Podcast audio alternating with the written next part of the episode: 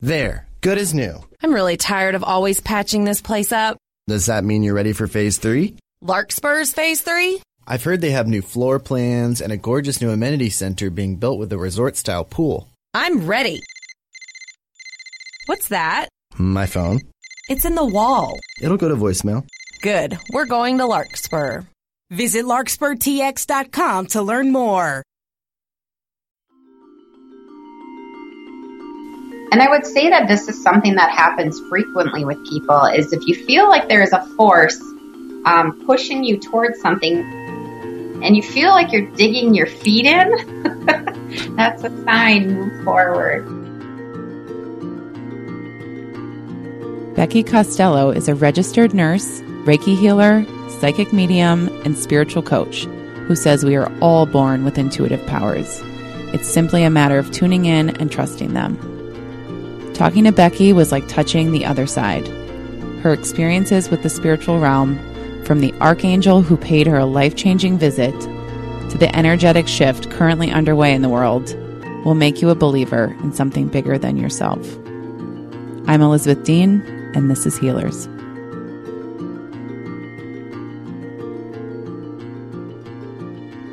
You're grounded. What did you do to get grounded? Do my meditation that I always do before I start working with people. What can you can you share?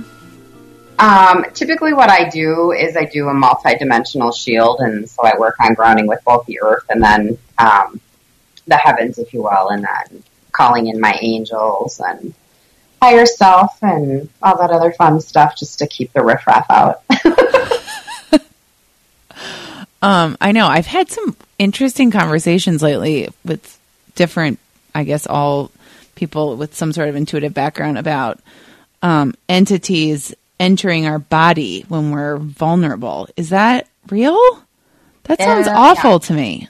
It and it is. Um, there has been um, like when people drink or abuse drugs or um, you know anything that alters their consciousness significantly, they lose their ability to have their psychic protection or you know that internal kind of sense of things. Mhm. They kind of lose that, and then what ends up happening is you can get these knucklehead spirits that come in and end up kind of hanging out, attaching, and um, it can spin into a whole lot of issues. And you also see that with people that have significant mental illness sometimes as well, where there's other spirits and stuff um, in their energy fields. And uh, if you look up shama- um, shamanic points of view on mental illness, Mhm. um, I read an article once on a shaman who perceived that when he walked through a mental health unit, um, how many entities, it gives me the chills even just talking about it, how many entities were on and, and interfering with all of these people that are not in their best and highest good. So can that happen? Yeah. Um, however, um, I also believe that if you have a strong faith in something bigger and higher than you, um, and you work to stay connected with what I call the high vibe, um, it's more of a protection. I've heard high vibe a lot recently too. That's a that is a really empowering phrase and super catchy and um okay, so mental illness would not be caused by these entities coming in. It's just that people with um that just makes them more vulnerable, it sounds like. it definitely can make them more vulnerable. And in some cases, when struggling with mental health um, and nothing seems to be working, it's kind of one of those things where it's. I've had a lot of people that have come in going, "Hey, can you help me understand what's going on?" And I know for me, I struggled with my own mental health stuff for quite a long time, and um, after I cleared myself out, so to speak, energetically, um, it completely resolved all the mental health issues that I um, had struggled with for the majority of my life. Can we do any of that ourselves?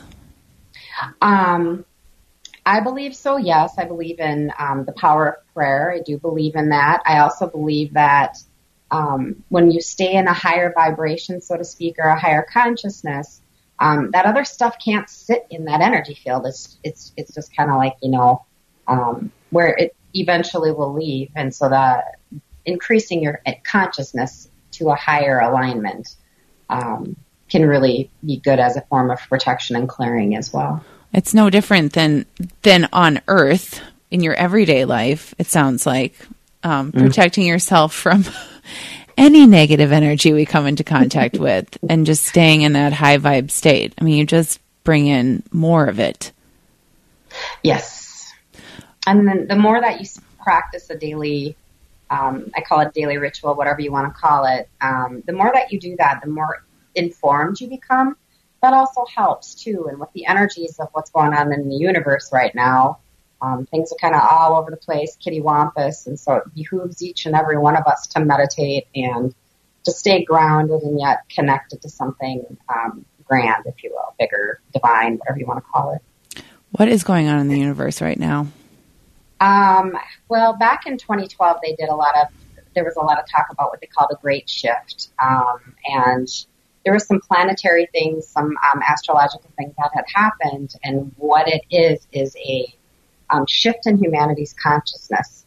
Um, and what is happening is that the human template, um, we fell far from the tree, if you will, um, and we're working to get back to that divine human template of um, we were meant to be created as a materialization of divine. Um, and if you look around you, there's quite a polarization in all kinds of different areas as far as you got some scumbags over here and you've got these amazing human beings over here. Um, and energetically, what you're going to see is things are going to start to separate, and things are people are waking up. When people wake up, they're crabby, and uh, so you're starting to see some of that. Some people have been awake for a while and have really worked to anchor that divine. Um, I call it love light, just because to me that's the easiest thing to understand. Um, and as that's being anchored here on Earth, it's changing us. It's changing us deeply, profoundly. Yeah, any any sort of negative shift in in our society just seems to drive more positive change ultimately. People step up. I mean we've seen that with we've seen that with our political state. And i feel totally inspired by it. I feel more optimistic than ever because um because everyone's coming together Yeah, I would agree with that. It's nice to kind of see that, and and um, people are finding their tribe. They're like-minded individuals, so to speak, and growing and doing these things together, which has been it's been fun to see. And people are wanting to learn about this, which you know I'm in my middle 40s now, and even you know 20, even 10 years ago, people were kind of you know they thought all oh, this was all witchy woo. Um, people are actually craving and thirsty for this information because they want to better themselves. And do we want to also feel like we're connected to something higher than ourselves because the world feels out of control sometimes? Mm-hmm. Um, I would say the shift is more about remembering who we are. Um, we are one. That's the that's what they call unity consciousness. We are all connected, and we are all one with Source, and so therefore we are little incarnations of Source. And so we're waking up to remember who we really are on a soul level um, and waking up our hearts so that we can kind of connect that um, consciousness or that memory.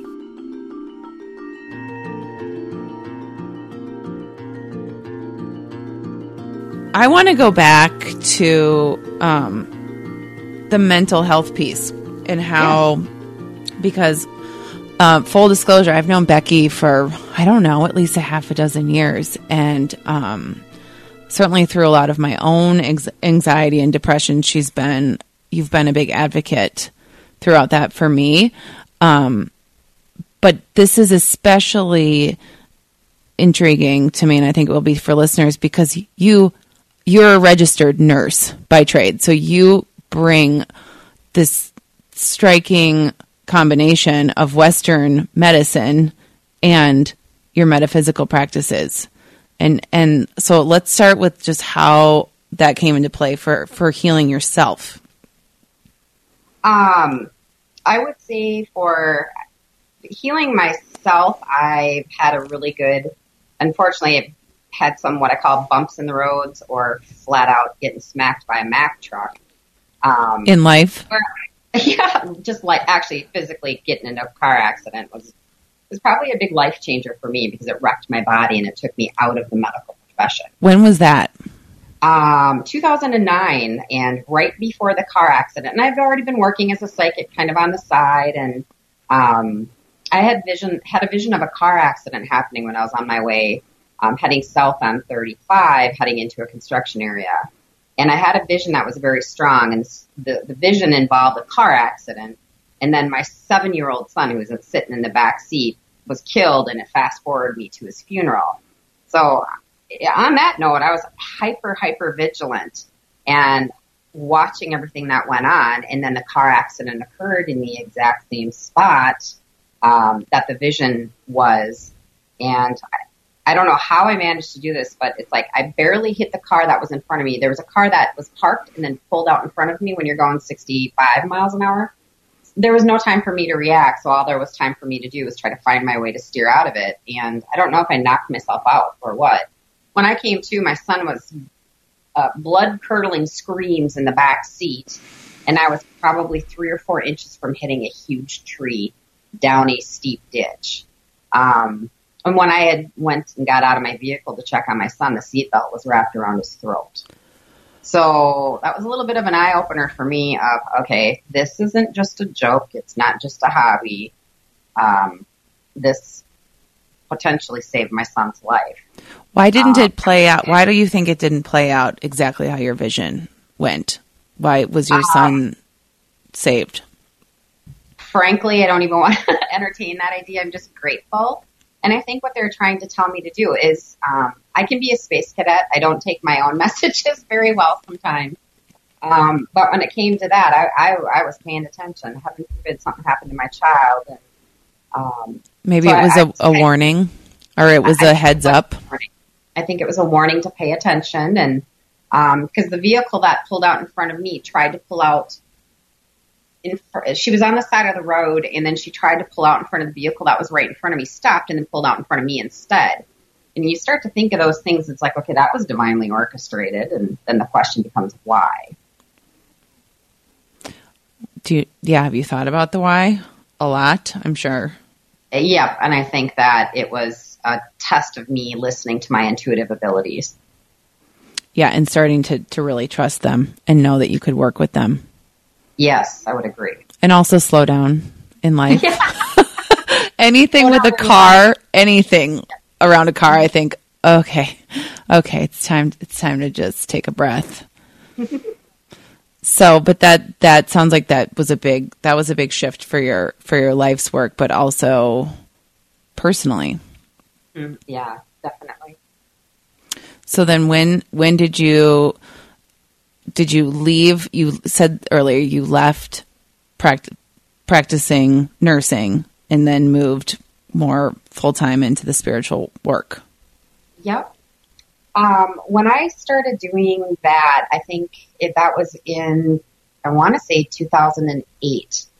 Um, completely walked away from the medical field. I left one area. I should say I was actually terminated from my nursing job. And that's a whole serious story in and of itself about a man named Gabriel, who I believe was an angel um, that was moving me out of a career that I was no longer meant to work in. Um, and when I tried to go back into the nursing field, I, I had anxiety attacks, panic attacks. I never had a panic attack a day in my life. So I was like, okay. And it was so bad, I actually had to quit. I had only been there for two weeks. Where did Gabriel um, come into play? Was he was he real? Was he um, in human form? Yeah, he was in human form. So I was working as a nurse at a small town hospital and this gentleman had come in and it was very quiet in the hospital, which was very unusual. And so I was wanting to follow the charge nurse around. I absolutely adored her.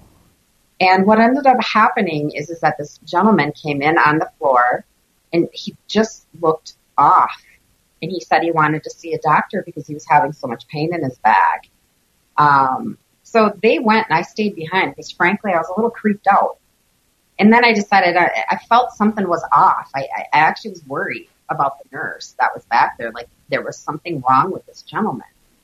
Um, walked back there. The gentleman I will never forget was dry heaving over a garbage can. And I was like, uh oh, that triggered some anxiety.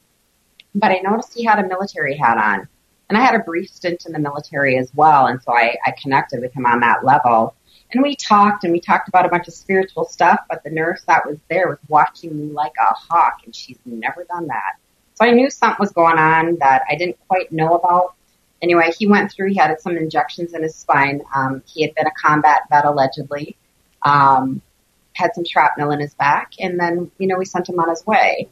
Um, anyway, so the whole thing, I went back there after walking him out the door, and the nurse was very afraid. And I said, what, "What's going on?" She goes, "Well, he had a had something in his pocket, and he said it was an inhaler."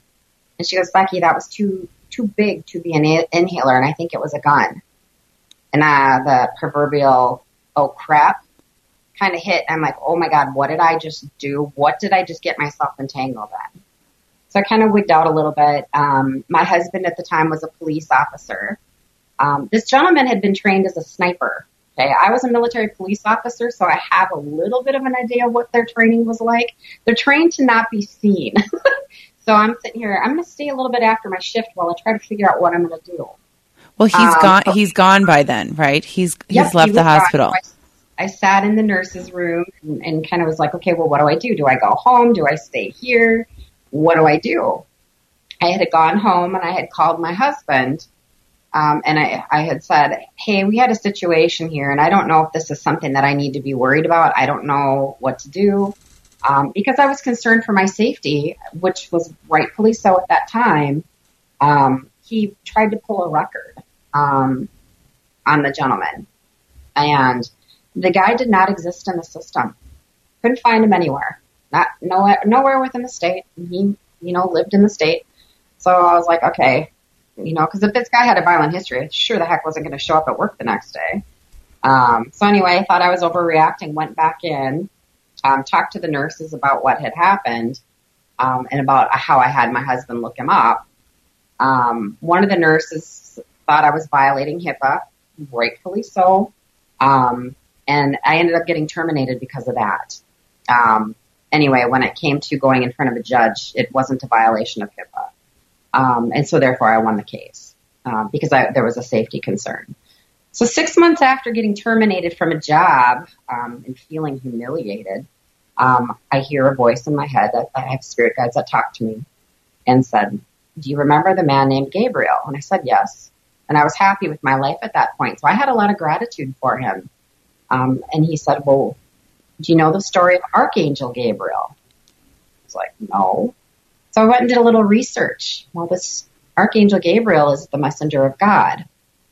So ever since then, I've been working really closely with Archangel Gabriel to help with delivering clear and con- um, concise messages. Um, probably nine months, you know, six to nine months after that, they said, well, why do you think that they couldn't find him? Why do you think he didn't exist? I knew what they're trying to say. I was like, oh my gosh.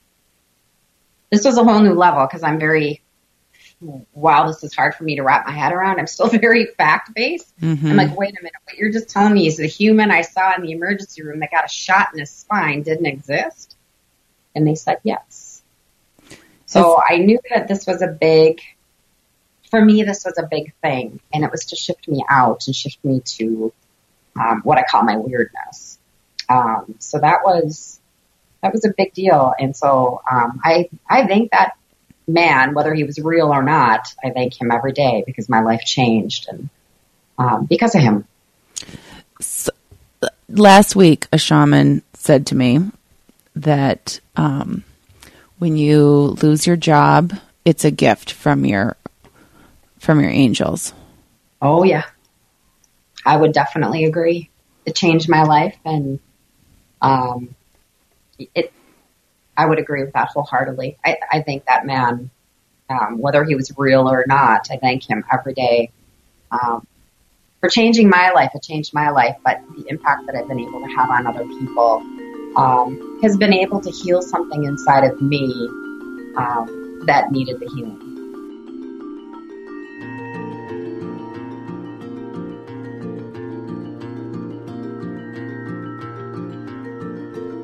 Do you um, do you ever encounter, I guess, other sort of spiritual beings in physical form? Has that happened since?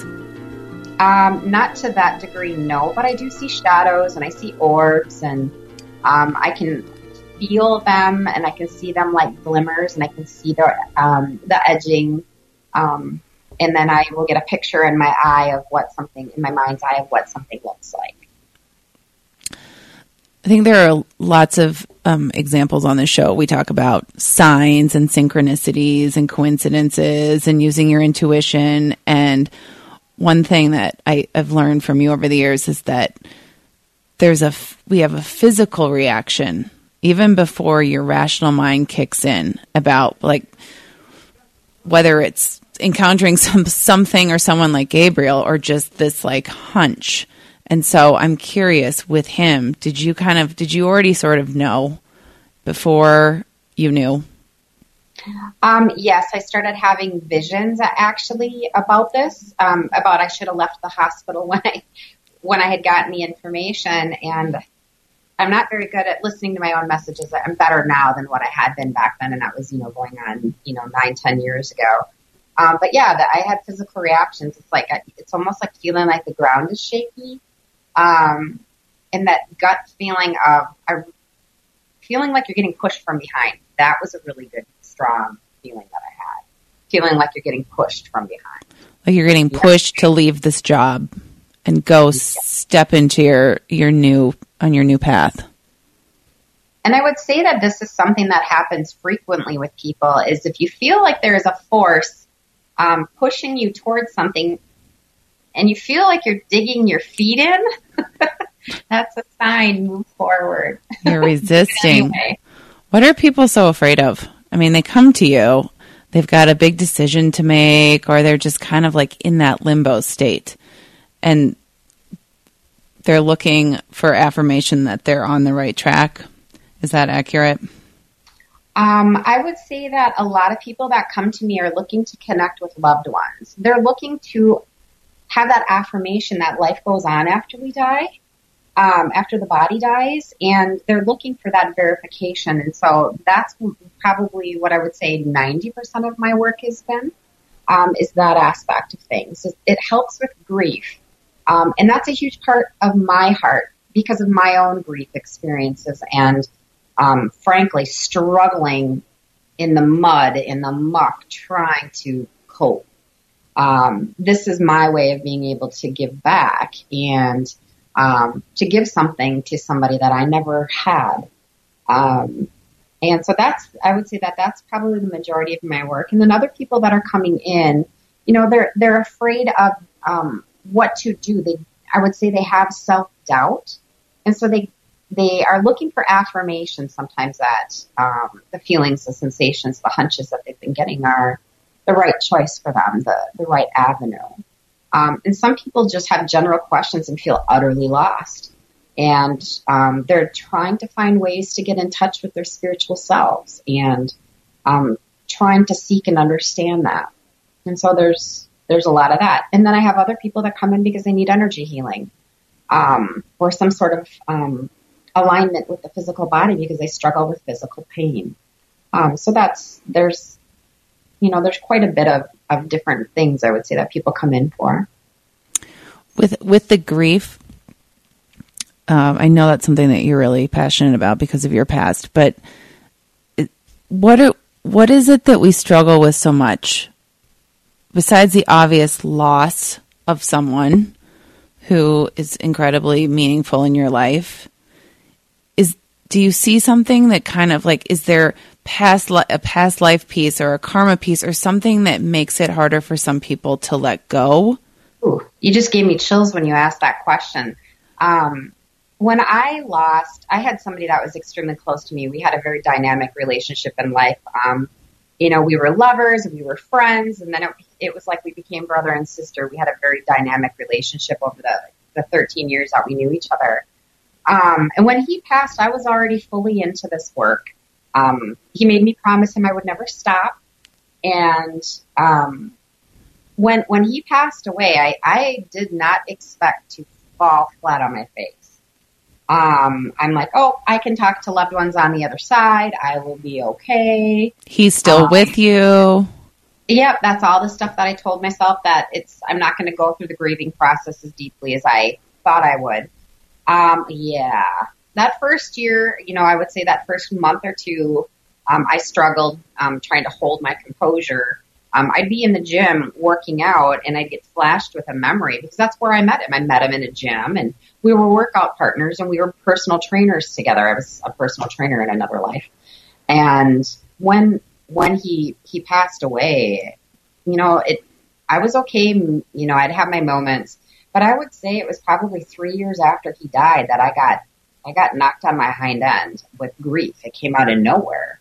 Um, and I would, I, I it was I, I struggled to cope. I struggled to even do this work. Um, but out of it came some amazing things. I learned some tools, which are tools that I pass on now um, to my clients about how to let grief out, um, and by lessening it at the same time. And then, um, can you share? Can you share one with absolutely, listeners? Absolutely, absolutely. One of the things that I I was sitting in my bed and um, I started to feel like I was suffocating. I literally felt like there was this great big honking elephant sitting on my chest and something around my throat. That is literally how I felt like it was choking the crap out of me.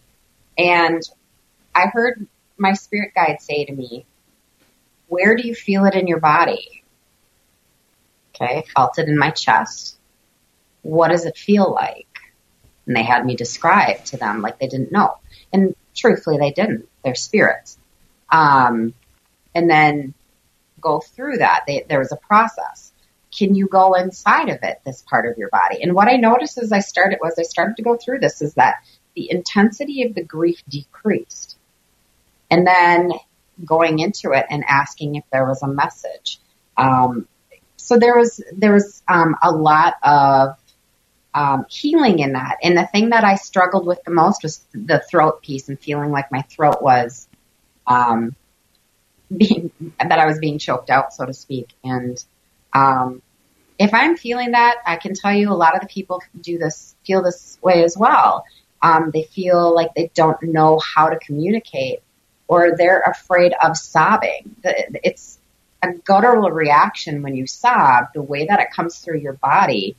Um, it, it changes the, the musculature in your throat if you really think about it. Um, and what we do is we contract against it. Um, I've had people that have come in in so much grief, their body physically hurts, their arms hurt, and their arms are what held that person, that loved one. Um, you know, so you, the body, when you go through grief or any kind of trauma, your cells actually will hold it in your body um, and a lot of times people won't look at a calendar, they won't be paying attention, but you'll be getting around that date of the trauma. And the, the body starts to get weird. The body starts to feel weird. Um, I had a, one of my, I call him my partner, but I did a search and recovery with him. And he experienced the same symptoms that he had going on at the day the search that we were, that we were doing the search. A year after, um, the young woman was found, he had the same symptoms again after being clear. So that's, it, your body has this memory and it will kind of throw that back out at you around that time. And it's a form of clearing, but we humans aren't very good at allowing emotions to come forth. Then we don't want to feel them. Then we feel like we're gonna we're gonna experience even more pain. When in fact, allowing it is what helps you heal. Yes, and I think a lot of people. I know that this sounds silly, but I think people are so afraid of their emotions and feeling like they're going to die or lose control. It sounds really strange, but um, I know that that was my thing. Vulnerability. Throw pants and get moving on. I don't have time for this. That was my thing. Gosh, it's so I like. It feels so good to feel though. It feels so good to just like. I'm, I guess I'm the person who plays the sad music when I'm sad and so this has always been fascinating to me. I'm sure I'm I'm sure I'm stuffing something out something down, and and it's and I love this idea of your body. Your body never forgets. Your body knows when you're stressed. You can't you can't hide from it. That's for sure. Right. So if if you're experiencing grief, just be with it is what I'm hearing, and look, and it's okay to look at it and to kind. It's almost like a mini meditation in a way to examine it the way that you're describing it. I would say write it out. Go through that protocol of where do you feel it in your body? What does it feel like? Can you go in there? What does it look like? What images do you see? What does it feel like? Do you see colors, sensations, you know, those kind of things? And going in there, that helps to get it out of your body. Um, but you did bring up an interesting part about the past life connection. Um, for me, I could realize that the amount of grief that I felt after losing my friend, um, I there was something inside of me that said this is definitely linked to past life stuff. Um, I went in. My partner happens to do past life regressions, and her name is Brenda, and she's absolutely phenomenal. Um, I went in and had a past life regression and found that um, my friend and I had been um, in each other's lives on three different occasions um, where he had died and I was left behind.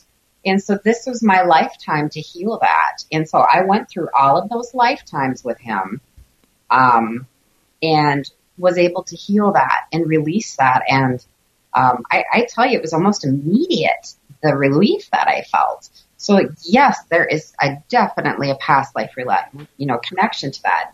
And I would highly recommend that if people really do struggle with grief, go in and have a past life regression because this could be what I call an additive effect. This could be because things have stacked on, um, either in your current life where you had numerous, you know, losses, um, but it could also be related to having um, losses regarding this particular individual in multiple lifetimes that were never healed. And isn't this the same for for other things that we struggle with besides grief? Why is someone why is it so hard for someone to be confident or someone to use their voice? Or you struggle with relationships whereas someone else from like even your sibling doesn't struggle struggle with relationships but you were raised the same way. I, I tend to think of that too as you came in you came into this lifetime with that that thing that's maybe really really old really ancient i call those soul lessons and i think a lot of the times i have a general rule of thumb every challenge that that we humans ever experience in our life is co-created. So we would have to ask ourselves, why would we co-create that experience? Um, and it's co-created on a spiritual level, not a human level. I want to make that clear because some people would go, "What?" Right. I didn't. Um, I didn't say I wanted that, but it's happening. Right, exactly. Um, and then the other aspect of it is, is that every challenge we experience in life is a lesson in love, and it's not love from a human perspective. It's love in a divine perspective. And we as humans, our, our vantage point or our understanding of love is very skewed. And probably pretty one dimensional. I mean, even when I, I use the word divine too, and I don't sometimes know even if I know what divine means. Like, what is the definition of divine to you? Um, I always tell people ask, how do I know God? How do I know source? How do I and it, what I always tell people is that if you think about it, you can't define it. It is indefinable. It's a series of sensations and feelings and bodily reactions is always what I tell people. Um, and, and so it's hard to know how to define that effectively. What I would say is calm. Look for calm. Look for peace. Um, that that's going to be where you begin to open up to that, that'll happen more on a regular basis. And that's where the love is too. Mm-hmm, absolutely.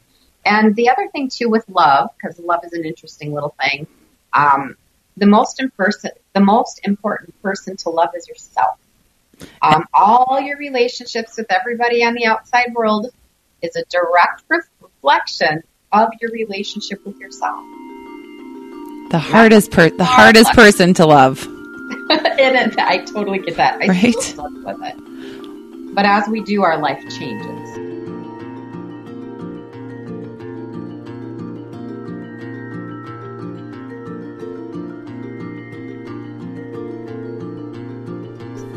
Is there anything we can do? Because I, some of that self love seems to be on a subconscious level, that sort of like blueprint that we come in with, that some people just seem to have an easier time with it, and it's not because they're better people. Um, is there anything we can do, whether it's, you know, I don't know, clear, how do we clear our own blockages in that department? Is it different for all of us, or are there some, there's some tips?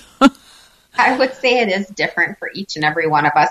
Um, how we learn those lessons in life or how we learn to love ourselves is co-created before we even come here, before we are even incarnated. Um, you know, because it involves helping other people learn and grow. There's, there's so many different ways. Um, but the one thing that I, cause I see people who struggle with loving themselves all the time and I'm no different than anybody else. Um, women in particular really struggle with this and it's because of a lot of the society things and all of that. And it's everybody's learning of self love is going to be a little bit different. Um, and eventually what happens is you're going to get sick and tired of feeling the way you do. You will get sick and tired of hating yourself. You will get sick and tired of feeling the way that you do about yourself because you're going to feel like you're your own bully and it's going to, it, it's going to make you mad.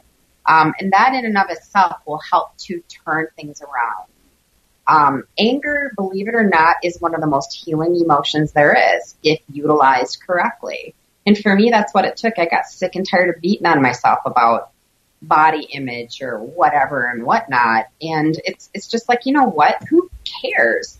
You know, I've been on both sides of the spectrum where it's like I looked great, but nobody really knew who I was. I was an object versus well, whoever's in my life now, I know you like me for who I am, not what I look like, you know, and that's more soul fulfilling deep down, you know, so it's okay to get mad, um, and then use that to change your life.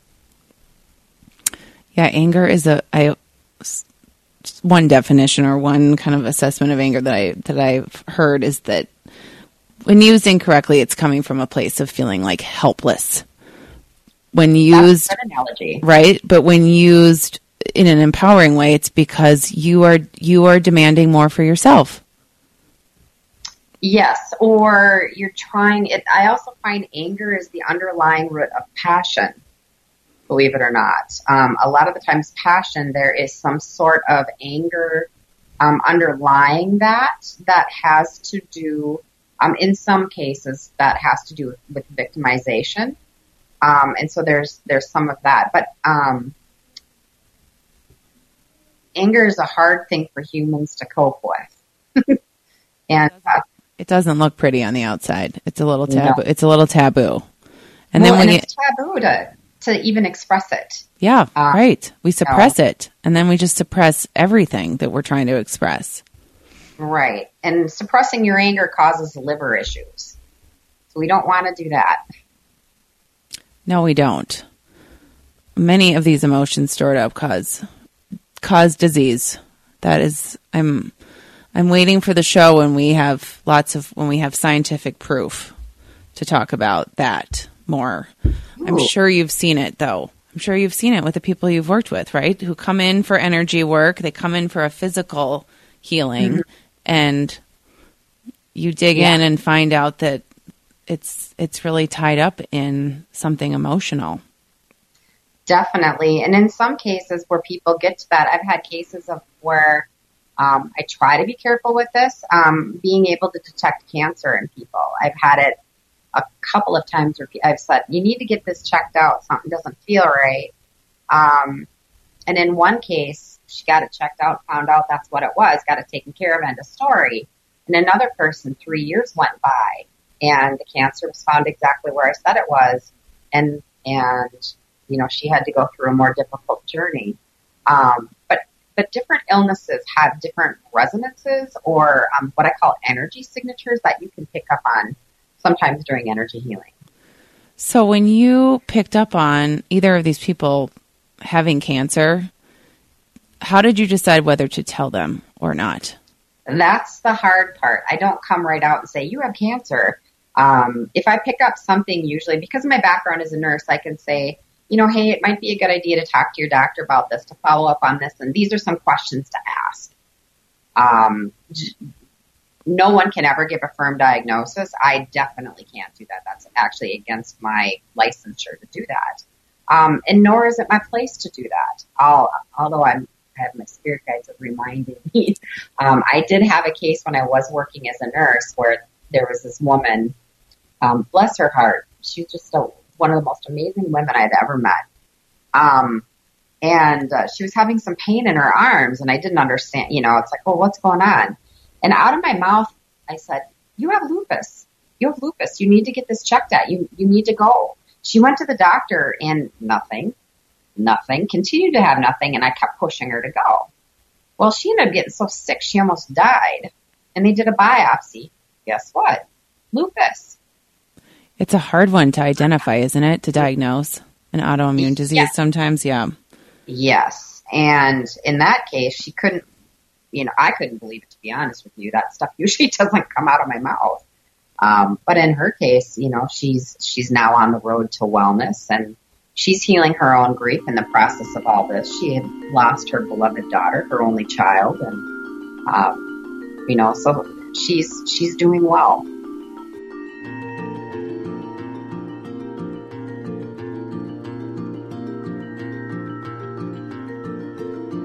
I am curious when you are any intuitive that we've talked to, I, I love hearing what it is that you experience. Do you see something? Do you feel something?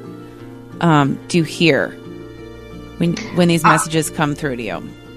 So what I I hear and I see, so I see I don't see with my physical eyes, but I see images and pictures and symbols. Um, I can sometimes smell, um, and believe it or not, I can sometimes taste. um, so I engage all of my senses um, when doing a reading. Um, I can get sensations in my body that'll help me to understand and know how they passed. Um, and so yeah, I would say every they're every they're called the clairs as, as they're called in the psychic world. Um, Meaning like but- clairvoyance or clair audio or clair. Yep. And I have every one of them, and sometimes it's a little overloading, but every they all work, and in some of you know fire higher or more significantly than others based on the client too. Um, and how so- open they are or how Absolutely. Yep. How they interpret information because I have a tendency that um, I interpret information the way the client would so I know how to relay it and communicate it back. Um, some people feel, um, they can feel things through their body. Other people are, they're visual. Um, some people are really good with hearing. And so it's, I, I will take things in the way the client does and then spit it back out. So do we all have then sort of a a predominant way that our intuition works? Like even if we are not at your level, does every individual have kind of a natural intuitive state that we could that we could tap into more and grow? Yes. Um, I always tell people I am not special. Um, we all have every ability that I have, everybody has. Um, the joke that I always say is my muscles are just bigger. um, I use them on a regular basis, and so that allows me um, to be able to pick up on things. Um, some people are very, they're very keened in on something. Some people can feel very well, um, but it's it all has to do with attention and um, also understanding. I've had people come in when I teach my psychic development courses that are some of the most intuitive people that that I've ever met. They have no idea how intuitive they are, and it's like, oh my goodness. I mean, and they test high in every quiz category, every exercise that I've given them. They they're like remarkable at. I actually had one on week this weekend. I had some amazing people in there this weekend, and it's like little gifted people, and it just makes me so excited. So why so what do we all need to do? I mean, you know, half the people are listening are thinking, "Well, I would like to know my future. I if I can tap into this myself, I would I will do it today." Um, So here's what I tell people about the future. Um, time is moving ridiculously fast. And with a lot of the energetic stuff that's ca- happening right now in the universe, um, the future is not set in stone because we no longer attract our future, we create it. Does that make sense? and that's what you mean by co-create, too. Yes, yes, we create our outcome, and how we're going to know is based on how things feel. Um, if I step in a direction and I don't get the feedback that I expect, or it doesn't feel the way that I expect it to, then I know that that's not the right thing. But right now, a lot is up in the air, and it's it, it almost feels like it's you can feel into the future a little bit, but you can't, there's, it's just not solid. Even I'm experiencing this with my work. Um, major shifts and changes going on, but I can't see what it looks like. Um, which tells me it's like I, I'm getting the hunches or the inclinations within my body. I can feel it. Um, and so it, you're working in that category, but it's where you end up going, you create. Right, but you can follow those hunches. You can like f- follow Yes. it down the rabbit hole. I think is the phrase I usually use, or just like turn toward the energy that feels good, and it will Yes, just keep building. You will keep continuing to build the life that you want, or the relationship you want, or the career. Yes. What I always tell people is um, I use the analogy when trying to describe psychic, psychic versus medium. Um, a psychic is tracking energy. So, like, let's say you're going to buy a new vehicle. And you're like, oh, I really like the blue one and, and the white one, but I can't quite decide what to do. Uh, the first thing, get out of your head. Your head is the worst place to be. Get in your heart. What did it feel like when you were driving that vehicle? Get in the white one. What did it feel like? Can you envision driving that new vehicle around? Um, how does that feel? Do you feel like there's a potential for bumps in the road? If you're feeling that, eh, you kind of want to stay clear of that. Um, I use the, the vehicle analogy because I am ridiculous with vehicles. I'm on the end, like probably the year and a half plan. and this last time that I went to get a vehicle, um, that's what happened with me. It's like I was trying to be practical and looking at getting a Ford Edge, and there was like eight of them that I was looking at at two different dealerships, eight of them, and then a Lincoln.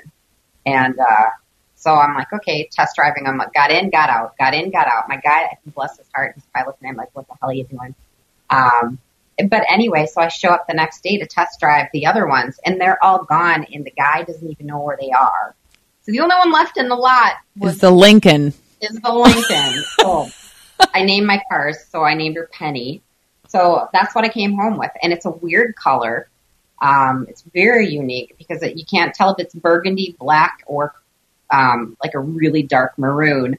Um, and I drove it home, and I was having that, you know, oh my God, what have I just done? I just wasted a lot of money. The spirit said, you came home with a vehicle as unique as you. Aw, Fine. fine. Take it, So- take it, Becky. fill it out and ask spirit to be on your side. You know, if if you are undecided on on something, um, I always tell people if you're if you're applying for five different jobs, um, tell spirit protect you. They will only bring forth the one that is um, right. Um, I have a couple people that I work with that are they play professional sports. Um, and one of the things that I said is that they will make it easy for you. You're not going to get a million gazillion offers. You will get the one that's right for you because then you don't have to choose. That way you're not having to make a decision. That's how it's going to go. Um, and that's kind of how it plays out in life is, is, um, if you ask spirit to help you and make it easy for you, they will offer you opportunities and they will keep out ones that are not in your best and highest good. And sometimes we feel like we're not getting what we want or we think that we need fast enough, but really that is that divine intervention happening, Yes. right? You didn't get that job for a reason or mm-hmm. the car wasn't, you know, the car sold and it's because there's something better for you. exactly. And the more that we practice that, the more I, I know, the more I come to trust my intuition and that spirit has my back. That's a good point. Learning just to listen. People ask all the time, well, how did you know you could do this? How did you know you were psychic? How did you know I was a medium? I grew up in a Catholic home. Those were not two words that were in our language at all. I had no idea what any of it meant. I, just one day I decided, it's like, what do I got to lose? So I started listening. Oh, when you start listening, it's amazing what ends up happening. And, and um, I used to joke, my spirit guides were my best friends. And if people knew the banter going on back and forth between me and my spirit guides, they'd go, lock up. it's, it's, uh, it was comforting to me at a time that I needed it. And, uh, and then as I have grown, I have realized that they are not separate from me. They are aspects of me. That's all that they are. Just like you are. So can we all can we all talk to them? Can we all talk to our spirit guides anytime we need help? Anytime we have a question? Yes. And did you know that they can't do anything for you really unless they have your permission? I it have heard that. us- It behooves us to say, help me out here, talk to them. Um, I use my spirit guides when I want to find a nice parking spot. Me too. Um, and it comes in handy. And it's just, it's fun to me to do that and to play with that idea. Um, and it's, it, it sets up a connection that you can become familiar with. Okay, this is all wonderful. I'm just kind of like I'm just soaking it up and I'm soaking up your energy like I always do because it's just you're just a ray of light. Aw, I wish you. everyone could see you. Um, you're just glowing. So, you've just done your first podcast, yes? First one. Yes, this is my very first one. I've done one other recording, I think, but um, yeah, this is my first one using Skype. I am about as technologically illiterate as you can get. Well, So, I'm glad you're on Skype because, and you you're doing it well. I'm glad you're on Skype because I know there are people who are going to want to Skype with you. You do, you are offering that, or by phone, right? For anyone who can't come to you in person. Yes. which is so essential. So, with thousands of people listening, and and I know you've listened to a lot of podcasts and spiritual radio. You and I have talked about it. Yes. What do you What do you wish we all knew, or all trusted as we went about our day in this crazy time? Um, I would say a couple of things that makes me very sad actually to see polarization in any any extreme. Um, I understand it, but I think it's really important for people to walk the path of what I call divine neutrality. That divine neutrality, and and uh, with me, I'm I'm going to use something here, just uh, law enforcement versus people who hate the cops. I'm married to a police officer. I was a military police officer briefly.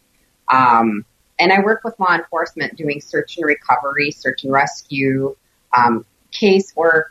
Um, I have clients that come and see me that are police officers as well. Um, and it, I, it, I have a tendency to polarize when I hear about people that hate cops or kill cops or blah, blah, blah, blah, blah.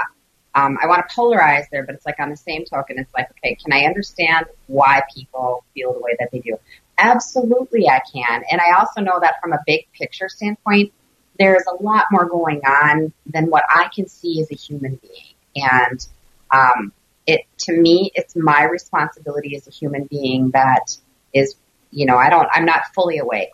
You know, I've got a lot to learn here in this world, just like everybody else. Um, but that di- that divine neutrality keeps me from spinning out.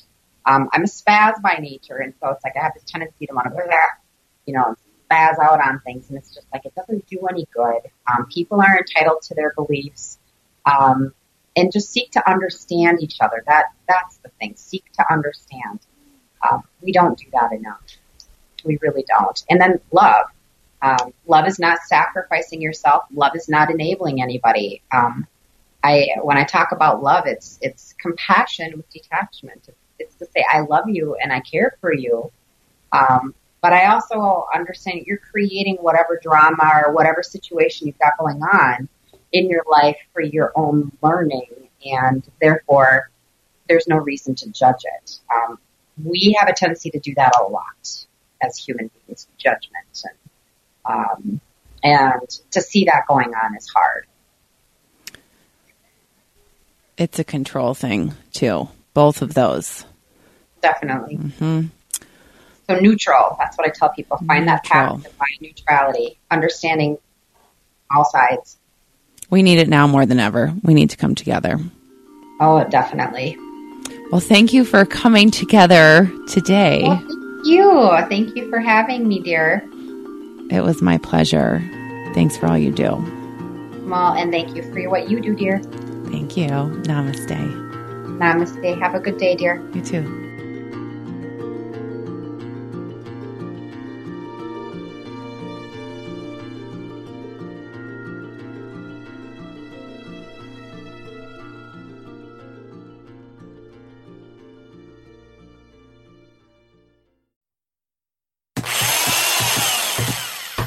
There, good as new. I'm really tired of always patching this place up. Does that mean you're ready for phase three? Larkspur's Phase 3? I've heard they have new floor plans and a gorgeous new amenity center being built with a resort style pool. I'm ready. What's that? My phone. It's in the wall. It'll go to voicemail. Good. We're going to Larkspur. Visit larkspurtx.com to learn more.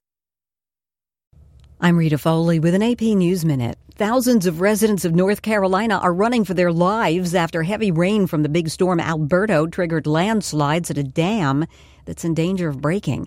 Missouri Governor Eric Greitens is resigning amid investigations about an extramarital affair and questions about campaign financing. I know, and people of good faith know, that I am not perfect.